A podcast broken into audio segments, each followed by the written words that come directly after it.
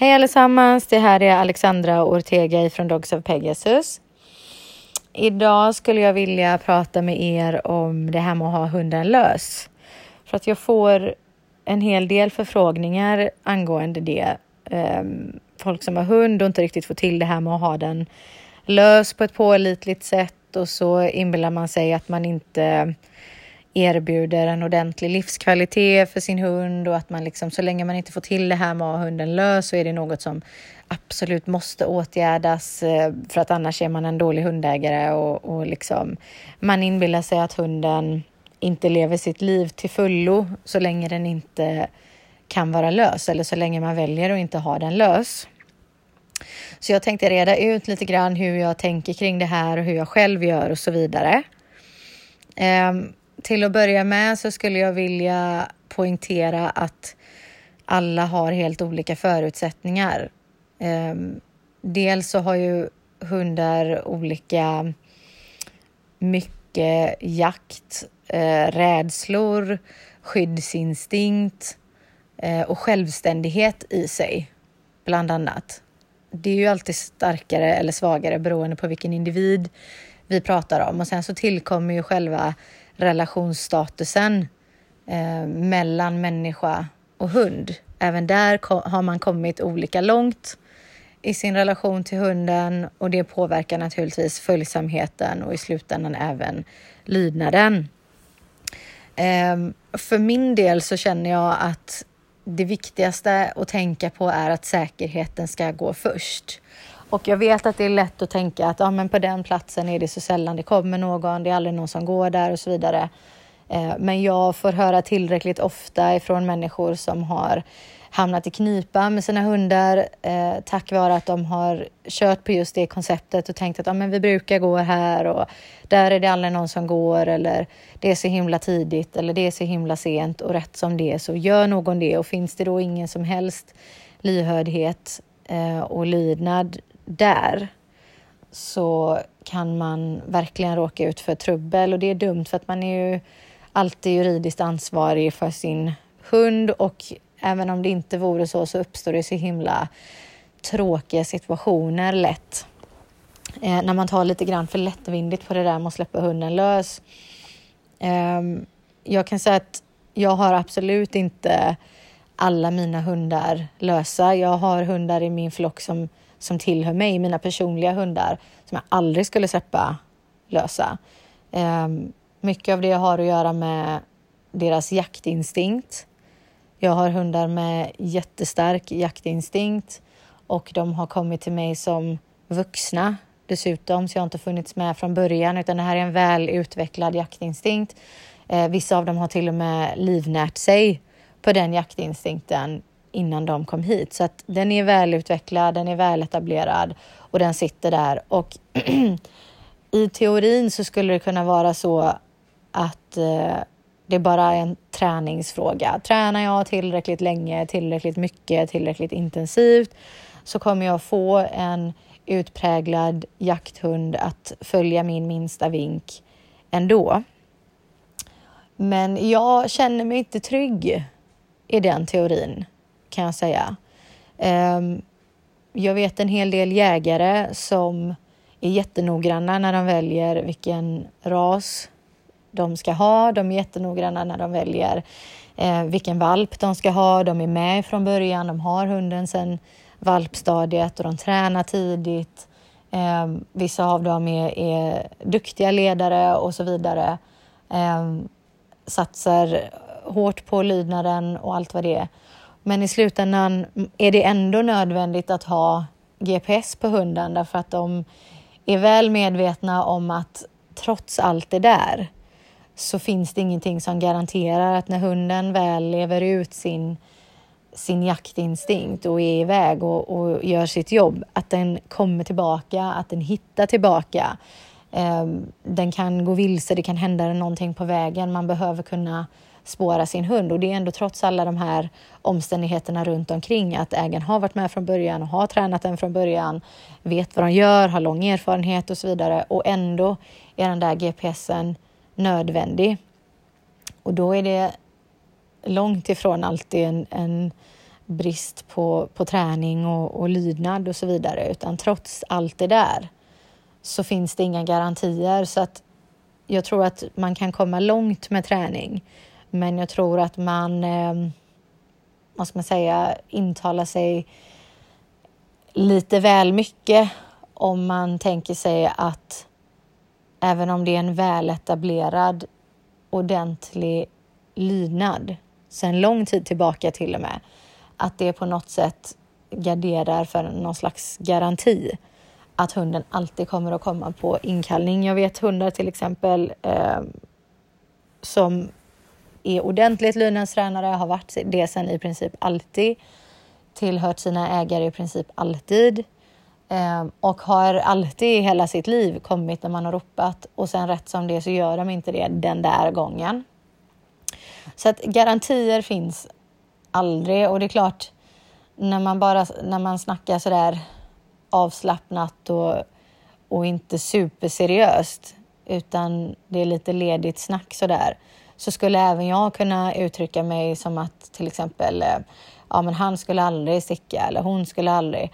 Och det är lite slarvigt egentligen. Um, för jag vet inte om jag egentligen tror på det där med aldrig, aldrig, aldrig när det gäller instinktiva rovdjur liksom. Eller djur överlag, punkt.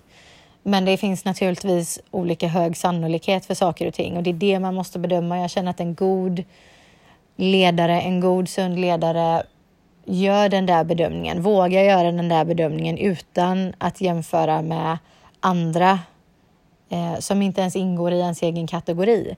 Alltså jag kan inte jämföra jag kunde liksom inte jämföra min mops med min Podenco som är en spansk jakthundsras för er som inte vet. Den är inte så vanlig, men eh, eller vanlig här. Så det, det, är två helt olika saker. Den ena är mycket mer utpräglad i sin jaktinstinkt än den andra. Jag kan heller inte jämföra, eh, vad ska vi säga, min hund Jetty med min hund, eh, vem ska vi ta, med Faro. Båda de har jakt i sig, men Faro är extremt följsam, Jetty är extremt självständig, fortfarande natt och dag. Så att jag, man, kan, man, kan, det är liksom, man gör sig själv en björntjänst när man jämför med hundar eller ekipage eh, i en annan kategori än vad man själv är. Så att det, och jag känner också att man, när man blandar in vad som ska vara bra och vad som ska vara dåligt, till exempel man bestämmer sig för att den som kan ha sin, lös, sin hund lös betyder per automatik att det är en god ledare, att allting står rätt till där och därför har jag inte kommit i hamn med min hund förrän jag har hamnat där, förrän jag kan göra precis likadant. Och det, det, det är att skjuta sig själv i foten lite grann. Eh, faktiskt. Just för att man jämför många gånger med ekipage som står utanför ens egen kategori och inte alls har samma förutsättningar som en själv, varken nu eller tidigare. Och man har inte samma relationsstatus eller någonting överhuvudtaget och ändå jämför man. Men också att man inbillar sig att hundens livskvalitet står och faller med det faktumet om den kan vara lös eller inte. Och det, jag är inte riktigt överens om det. Jag vet hundar som eh, får vara lösa ofta och länge och fortfarande har sämre livskvalitet än andra hundar jag vet som aldrig någonsin är lösa. Och det kan bygga på hur mycket sällskap de får i övrigt, Ehm, hur de lever övrig tid, vilken status de har i familjen övrig tid, vilken energi som finns i familjen övrig tid, vad som händer bakom stängda dörrar övrig tid. Det är så mycket som spelar roll för någons livskvalitet som inte står och faller med om hunden går lös eller inte. Och sen ska man inte glömma att det finns olika slags verktyg om man vill ha en, en vad ska man säga, om, om man vill kompromissa Alltså flexikoppel, enda gången jag använder flexikoppel det är när jag vill att hunden ska uppleva känslan av att vara lös eller någonting som liknar känslan av att vara lös, som närmar sig känslan av att vara lös utan att faktiskt vara lös. Um, och, och, det gör jag naturligtvis inte i, i stadsmiljö. Alltså, alltså flexikoppel överlag anser inte jag vara ett eh, vidare promenad verktyg, speciellt inte om man ska röra sig i stadsmiljö eller där det finns andra människor och djur, kopplade djur. Men när man går i skogen till exempel. Eh, jag vet inte ni som har sett mina livesändningar på Instagram till exempel har sett förut att jag, att jag går med vissa hundar i flexikoppel ibland när jag inte vill att de ska vara lösa. Och då upplever de ändå den, en känsla som liknar. Man kan också ha långlina på hunden till exempel. Också ett bra alternativ för många hundar. Så det finns saker att ta till och det är inte, det är inte så att att vara lös är det enda äventyret um, hunden kan uppleva som innehar en hög kvalitet för hunden. Att, att få tillräckligt mycket sällskap, att få känna tillräckligt mycket tillhörighet, att få känna, att få bli tillräckligt vägledd och skyddad och vara med i olika miljöer, vara, eh, ingå i sociala miljöer på olika sätt för hundar som uppskattar det har minst lika mycket poängvärde, om vi ska kalla det det, som att vara lös. Och jag, jag, jag förstår, alltså att se en hund vara lös som uppskattar det, som inte blir skraj och får panik för att det blir för mycket på en gång, utan de allra flesta hundar skulle jag ändå säga eh, uppskatta känslan, den här frihetskänslan och röra sig antingen i, liksom i skog och mark eller upp, på någon öppen åker eller vad det är. Och det är något speciellt att se en hund njuta av det och jag förstår att man önskar det för varje hund.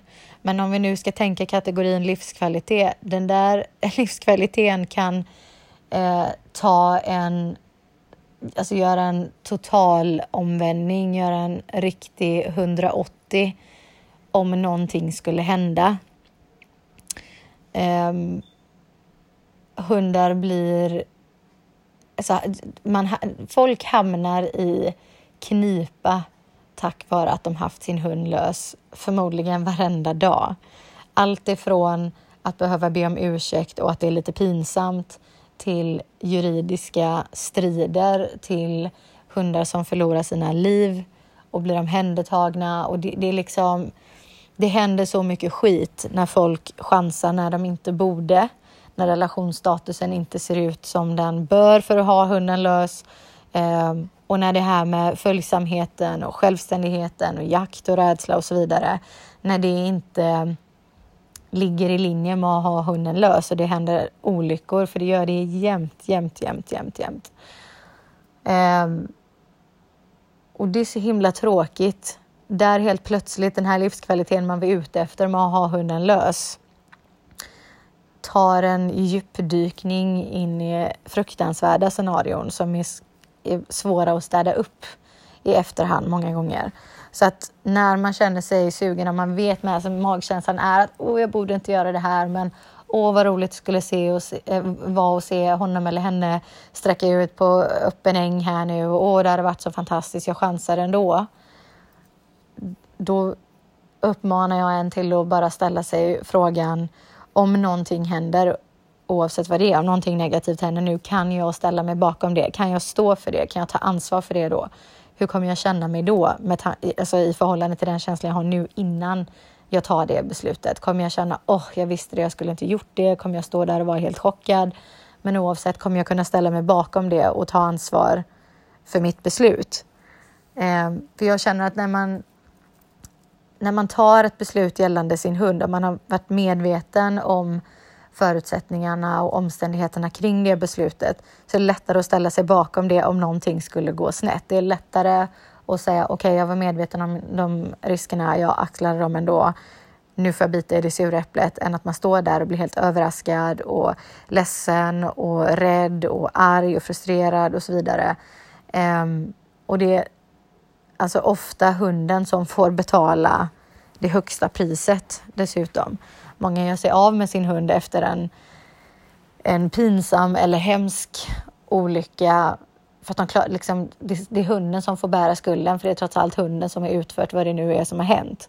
Men den kunde inte ha gjort det om man inte hade tagit det beslutet. Men då är det mycket lättare att utmåla hunden som en, en syndabock och lägga skulden där. Vilket enligt mig inte är rätt.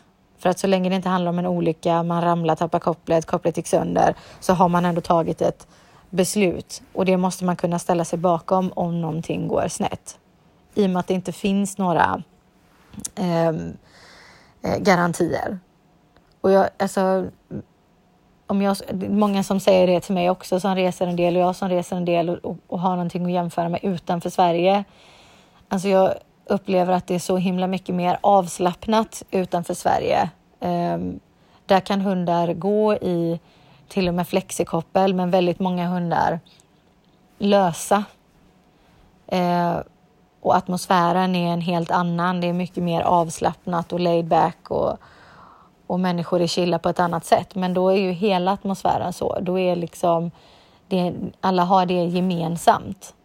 Um, och skulle någon gå med en kopplad hund där så är det förmodligen som om någon går med en lös hund här, för här är det precis tvärtom. Här blir, här blir alla obekväma med en gång så fort de ser en, en lös hund. Um, folk börjar direkt speja efter ägaren. Var är ägaren? Och, eller liksom, även om ägaren går precis där så är det direkt koppla din hund för fan och folk blir skitförbannade. Och jag är den första att säga att jag tycker det är jättetråkigt att det är så. Jag önskar att vi hade en mycket mer avslappnad inställning till att ha lösa hundar.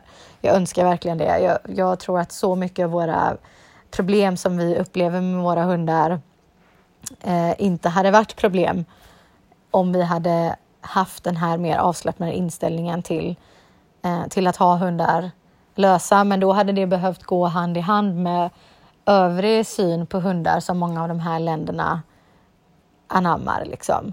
Det här med att ledarskap är någonting naturligt. Det behöver inte ens vara uttryckt som ett ledarskap, men det är väldigt naturligt för dem att hunden har sin plats. Det är väldigt naturligt att det finns en struktur och regler och gränser eh, och att det är människan som tar kommandot eh, och så vidare. Och då har man råd att unna sig de här, den här lyxen egentligen som det är att ha hunden lös för att relationsstatusen är så pass hög och alla ute på gatan i princip är ändå överens om att ha hundarna lösa. Men att köra på det konceptet här i Sverige när ingen annan är överens, det är ingen bra idé alltså. Det är ingen bra idé. Det, det kommer inte att tas emot med öppna armar. Jag är som sagt den första att säga att det är synd, men nu är det vad det är. Um, och att uh,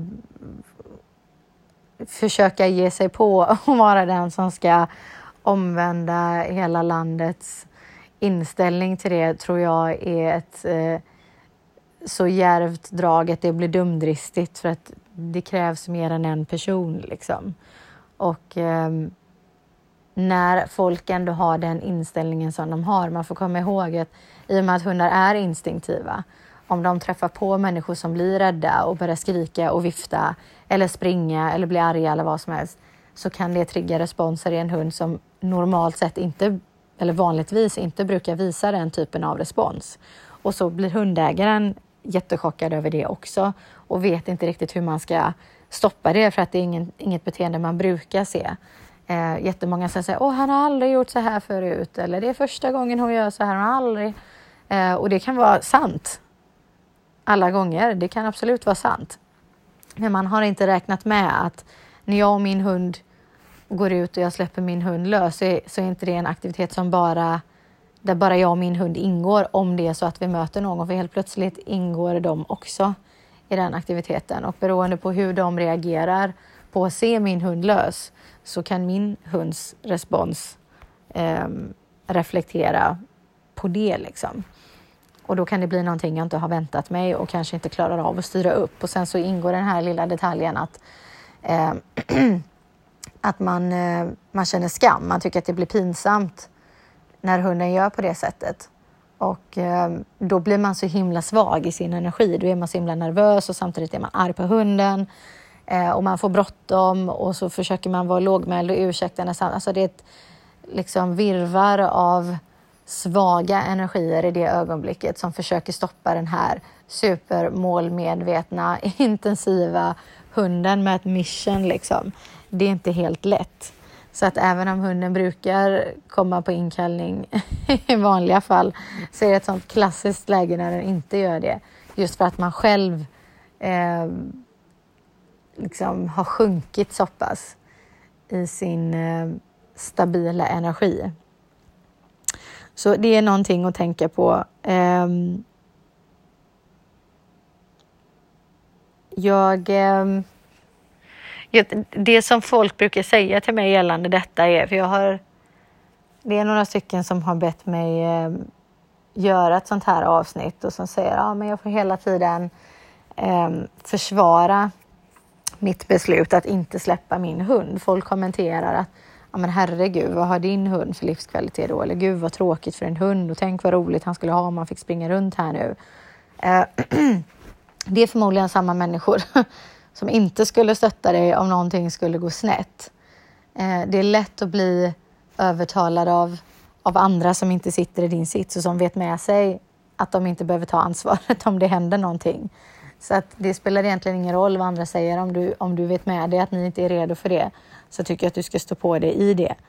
Och vad det gäller inkallning till exempel, jättemånga som frågar mig också gällande inkallning. Jag vet att jag varit inne på det förut, minns dock inte om jag har berättat det så ingående. Men i och med att jag inte mm, inkallningstränar mina hundar på det sättet. Jag har ingen hund som jag har eh, tränat inkallning med på traditionellt vis. Jag tror att förmodligen kexet är inkallningstränad eh, av sin förra ägare. Eh, men så som jag känner honom nu i och med att jag inte använder traditionell linan med någon av mina hundar så um, den följsamheten han har nu har ingenting att göra med den lydnaden han fick då. Och som jag har nämnt förut så har jag absolut ingenting emot lydnadsträning. Om något så tycker jag att det är väldigt eh, praktiskt komplement till ett gott ledarskap. Båda delarna är inte fy skam att ha. Men det är inte min grej bara. Eh, jag skulle dö av tristess och hålla på med det där. Eh, det, det är helt enkelt inte min grej. Så att mina hundar skulle bara känna att jag var superläskig om jag skulle ge mig på det där för de skulle bara, åh herregud, det här är så inte du, vad håller du på med? Ehm, men också så känner jag för mig personligen att bara den här vetskapen jag har att de inte är det. Jag kan inte falla tillbaks på det. Jag kan inte luta mig mot det. Gör att jag inte... Jag kan aldrig någonsin inbilla mig att bara för att jag säger kom så kommer de komma för det här har vi tränat x antal gånger. Jag kan aldrig bli besviken för att en hund inte gör det, för att vi inte har gjort den träningen. Det håller mig lite grann på alerten. Det håller min eh, intuition och min magkänsla mer öppen och lyhörd och mottaglig. Jag håller mig mer öppen för det också. Eh, med den vetskapen. Så det hjälper mig i mitt ledarskap. Det är inte alls säkert att det är så för alla. Eller jag tror mig nog veta att det inte skulle vara så för alla. Vi har också alla personer har olika stark koppling till sin magkänsla. Alla är inte mottagliga för den. Jag skulle nog säga att det är ganska få egentligen som är det för att man är van att eh, resonera. Man är van vid att resonera intellektuellt på ett intellektuellt plan och, och analysera olika eh, scenarion från ett intellektuellt perspektiv. Magkänsla och intuition är någonting annat.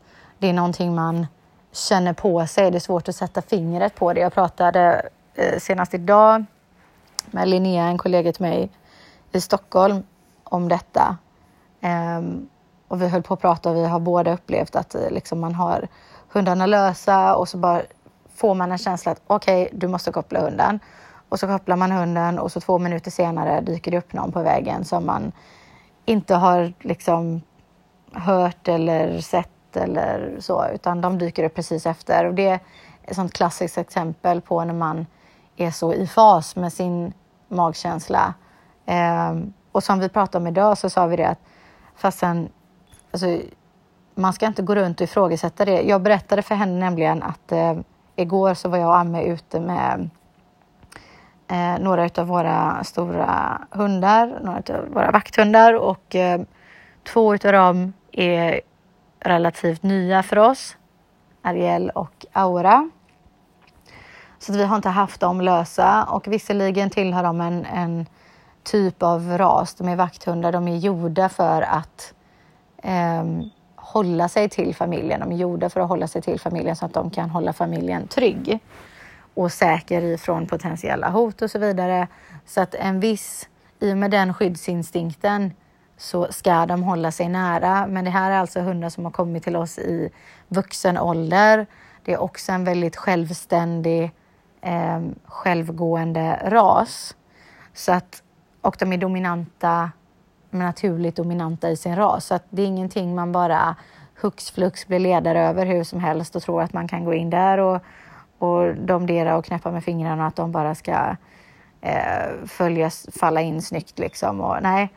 Eh, så att min magkänsla har sagt till mig tidigare och så även under den här promenaden att släpp nu inte de här hundarna för att er relation är inte redo för det. Följsamheten finns inte där på den nivån eh, du behöver och det är så jag jobbar med mina hundar. Eh, när jag kommer till en punkt där jag känner att jag kan släppa dem, att jag bygger en relation till dem. Jag eh, praktiserar mitt ledarskap, jag lär känna hunden så att jag kan anpassa och justera detaljerna i mitt ledarskap efter vad de behöver. Eh, jag har ingen brådska, tiden får gå och jag märker hur deras följsamhet utvecklas. Jag märker hur stark deras jaktinstinkt är. Jag märker deras, eh, jag upptäcker vilka svagheter de har, vilka styrkor de har, eh, hur jag ska förankra till vad. Så att en, hund, en ny hund för mig kan vara redo att ha lös samma dag och det kan ta ett år om det är så. Det finns liksom ingen Alltså det, allting är individuellt och det är så jag jobbar. Och när jag märker att hunden har följsamhet inomhus, utomhus, eh, kopplad ute på promenad, lös här på gården, eh, i förhållande till distraktioner på stan eller våra djur som vi har här, övriga djur och så vidare. När alla de där bitarna sitter på plats, då kommer jag att få en känsla som säger idag är dagen det, nu är det dags. Och då går jag alltid på den känslan för att jag hittills inte haft fel.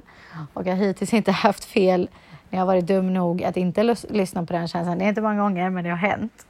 Och eh, igår på promenaden så bara kände jag, får inte ens för det, för att det var så himla fint väder och det var verkligen sånt här läge där man just precis känner sådär att åh, det hade varit så underbart att se de här lösa. Så bara nej, de ska inte vara lösa, ni är inte redo för det. Någon av er. Alltså hade jag sovit, jag vet inte hur jag hade sovit, man hade så jäkla ont i typ nacken och så, axlarna. Eh, och så jag orkade inte gå och hålla det där kopplet, bara kände åh, jag behöver vara fri. Alltså, minsta lilla jag behöver vägleda den här hunden så bara isar det till i nacken. Jag kände åh gud vad det hade varit så underbart att släppa honom nu. Och min magkänsla hade redan varit tydlig med att släpp inte hunden. Men eh, min nacksmärta sa mig att men gör du det för att det gör så jäkla ont. Och då bedömde jag riskerna och tänkte okej, okay, han har redan um, Amme glömde en grind öppen för inte så länge sedan och då tog han sig ut men satt, alltså, han stack ingenstans, han satt bara utanför grinden.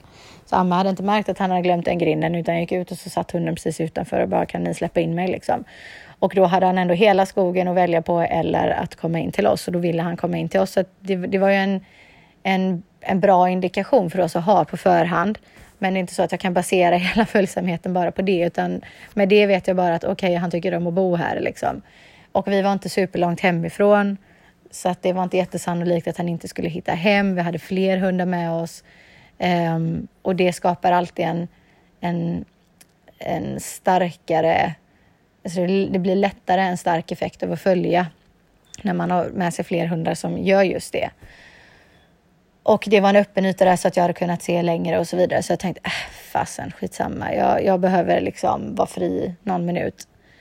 Och det första han gör, jag, jag tar inte av honom kopplet eller någonting utan bara knyter det så att det, ligger, det sitter kvar i nacken på honom, hela retrieverkopplet och släpper kopplet och det första han gör, han tittar inte ens upp och bara liksom stämmer av med mig utan ah, okej, okay, ja men eh, går ni dit, jag går hit. Och det är liksom helt andra hållet. Och han sticker inte iväg, så det är inte så att han springer eller har bråttom men liksom struttar iväg där och bara, ja, ja men vi ses när vi ses, jag går hit. Och redan där får jag kvitto på att nej men precis, alltså det här är inget bra tecken. Och eh, så tänker jag så här, äh, ska vi fortsätta gå? Men jag ser mig om efter honom och ser att äh, alltså hunden tittar ju inte ens upp liksom. När han, vid det laget han tittar upp och vi inte är här, då kan han, alltså chansen finns ju att han känner okej, okay, men nu får jag leta upp dem. Men chansen är också ganska stor att, stor att han känner, aha, men de har försvunnit. Okej, okay, men då kan jag fortsätta här med mitt. Och jag tänkte den där tanken att kan jag ställa mig bakom detta om någonting händer? Och mitt svar på det den stunden var nej, jag kan inte ställa mig bakom det. Jag, jag, liksom, jag var inte ens överens med mig själv om att detta var en bra idé. Så att jag går efter honom och eh, då står han där och luktar på någonting. Och eh, när jag går mot honom och han ser att jag kommer mot honom och är ganska nära redan, då tar han några steg längre bort ifrån mig och förstår att liksom jag ska ta honom. Ungefär som att, nej men vänta lite nu, jag, jag är inte redo att komma tillbaks, jag håller på att lukta på någonting här. Och det är också en sån grej att han, att, att, nästa indikation om att okej, okay, i det här läget prioriterar du detta istället för att komma till mig när jag vill det. Och när jag har mina hundar där jag vill ha dem så släpper de det för att komma till mig när jag vill det. Liksom.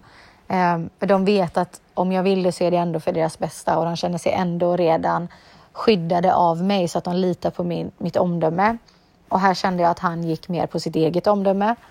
Och eh, då kom Fenris till oss och undrade liksom, hallå vad händer, varför tar det så lång tid? Um, och eh, då sätter jag mig ner på huk och bara klappar lite med, alltså smackar lite med handen på mitt ben så att det låter. Och då kommer Ariel till mig med en gång och bara, ah, okej, okay, nej men okej okay, då, nu, nu var du liksom nu blev du lite bestämdare så jag fattar precis och då kan jag släppa det andra och så kommer jag här. Och då tog jag kopplet så var det ingen grej med det och så bara fortsatte vi gå. Men det blev så himla, så den lilla grejen bara bekräftar att det är så jäkla, jag kan inte ens minnas när jag gjorde det här sist. Och det var inte så att jag bara, jo men skit i magkänslan, vi gör det för att det är kul, utan just på grund av den där smärtan, jag prioriterade inte rätt i det ögonblicket. Jag prioriterade um, ett, ett resonemang som på ett intellektuellt plan kan verka helt rimligt. Ja, men herregud, hunden, om han låg i där eller om du ska hålla på med någonting och så känns det, ja men det är klart du ska kunna släppa. Men alltså nej. våran, våran relation var inte redo för det och eh, min intuition sa mig detta. Och min intuition sa mig det mycket baserat på vad jag redan har sett hittills i vår relation. Så att det är inte så att jag bedömer om det är rätt timing eller inte bara baserat på det som har hänt under promenaden. Den missen tror jag också att många gör, att de tänker det har gått så himla bra den här promenaden. Han har varit så himla fin och snäll och, och lyhörd den här promenaden. Men skulle man liksom slå ut hela relationen så ser man att oh, okej, okay, han har varit i den här promenaden, men han är inte det i övrigt. Och det kommer, när, när den här frihetskänslan kickar in så kan det bli en, en helt annan sida han visar dig än vad han gör nu snällt och fint i kopplet här. Så att för mig spelar det roll hur relationen ser ut i övrigt och inte bara på promenaden man råkar befinna sig nu. Så att lite sådana här grejer som, som eh, vi pratade om och Linnea hade också något liknande exempel som hon berättade hon egentligen inte kände att det var läge och så hade hon någon med sig som tyckte att det var läge och så bara, ja ah, men okej okay då, man vill inte vara den som är den och, och, och, och, och den som tyckte att hon skulle ha hunden lös kommer de här argumenten, men åh, det, är så, det kommer ingen här ändå, det ser så kul ut och så vidare. Och så släppte hon hunden och eh, det var inte heller så att han kom och då, samma som för mig, så blev det bekräftat med en gång att fasen, jag visste det, det var inte läge. Hände ingenting då heller, de gick och hämtade hunden, det var liksom ingen inga allvarliga konsekvenser och hade inte blivit med den typen av hund heller så. Men det är liksom om man missar gång på gång på gång så blir ju det ett beteendemönster man etablerar. Alltså hunden har inte koll på vad som är rätt eller fel. Den har koll på vad som händer och inte händer, vad som går och inte går. Så att om det hela tiden är så att man till exempel släpper sin hund, ropar hundra gånger, hunden kommer inte, så vet inte hunden om att det är ett felaktigt beteende, men den lär sig att när jag hör det där ljudet så behöver jag inte komma, det är som bakgrundsbrus. Så när jag har mina hundar lösa som jag har lösa, väldigt sällan jag ropar på dem. Ehm, utan jag går vidare och de har lärt sig att de behöver ha koll på mig så att jag inte ska behöva ha ögon i nacken för att ha koll på dem så att de inte försvinner från mig så fort jag tittar bort. Det känns inte bra. Liksom. Jag vill att, att jag ska kunna eh, se en annan riktning och titta tillbaka och hunden ska inte vara spårlöst försvunnen liksom. För att den har stuckit iväg efter första bästa distraktion. Så att... Eh, mm.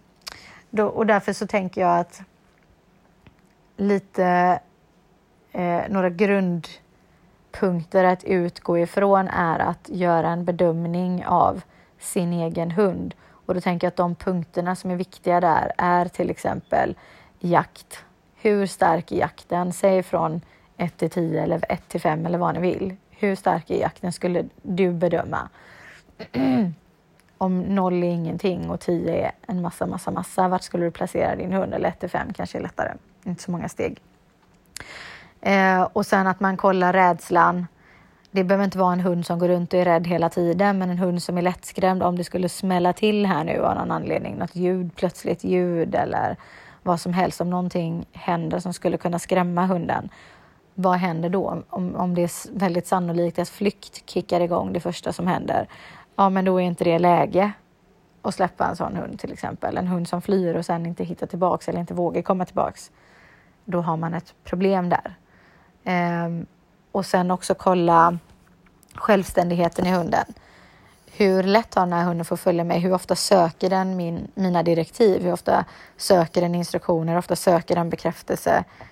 Hur ofta söker den ögonkontakt med mig? Hur ofta följer den efter? Eller vi var i min närhet. Hur mår ner den om att jag ska vara nöjd? Hur mån är den um, om att vara där den kan se mig? Liksom? Hur mån är den om att jag ska kunna få tillgång till den?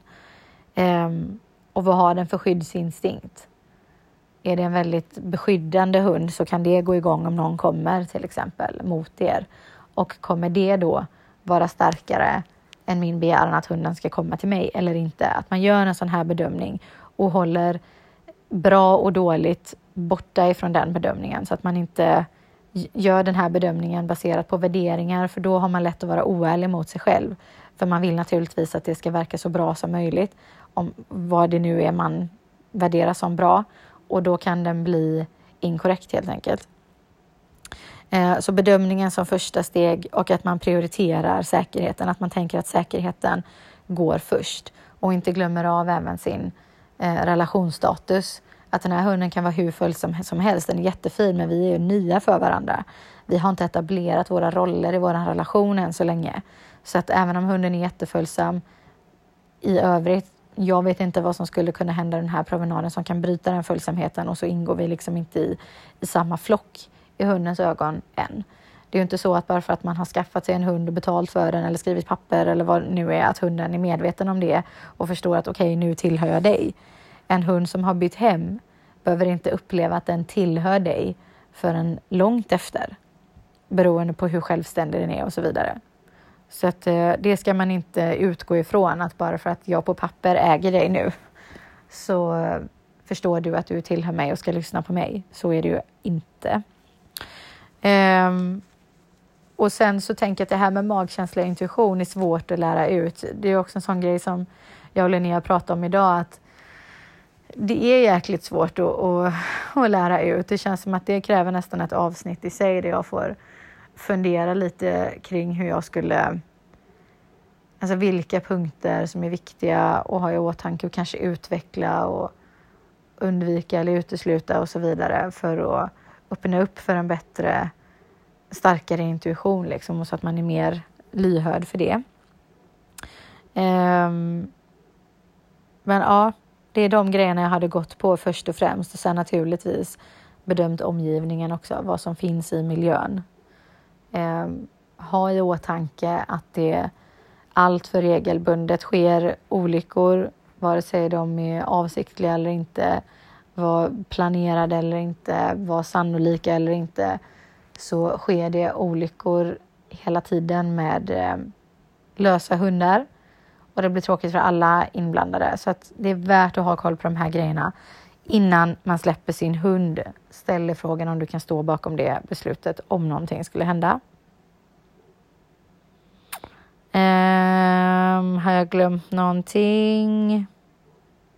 Nej, jag tror inte det. Köp på flexikoppel eller långlina eller så. Inhägnader finns ju också, alltså hundraskådar och så vidare. Om um, du är osäker. Det är ett bra ställe att börja på i alla fall.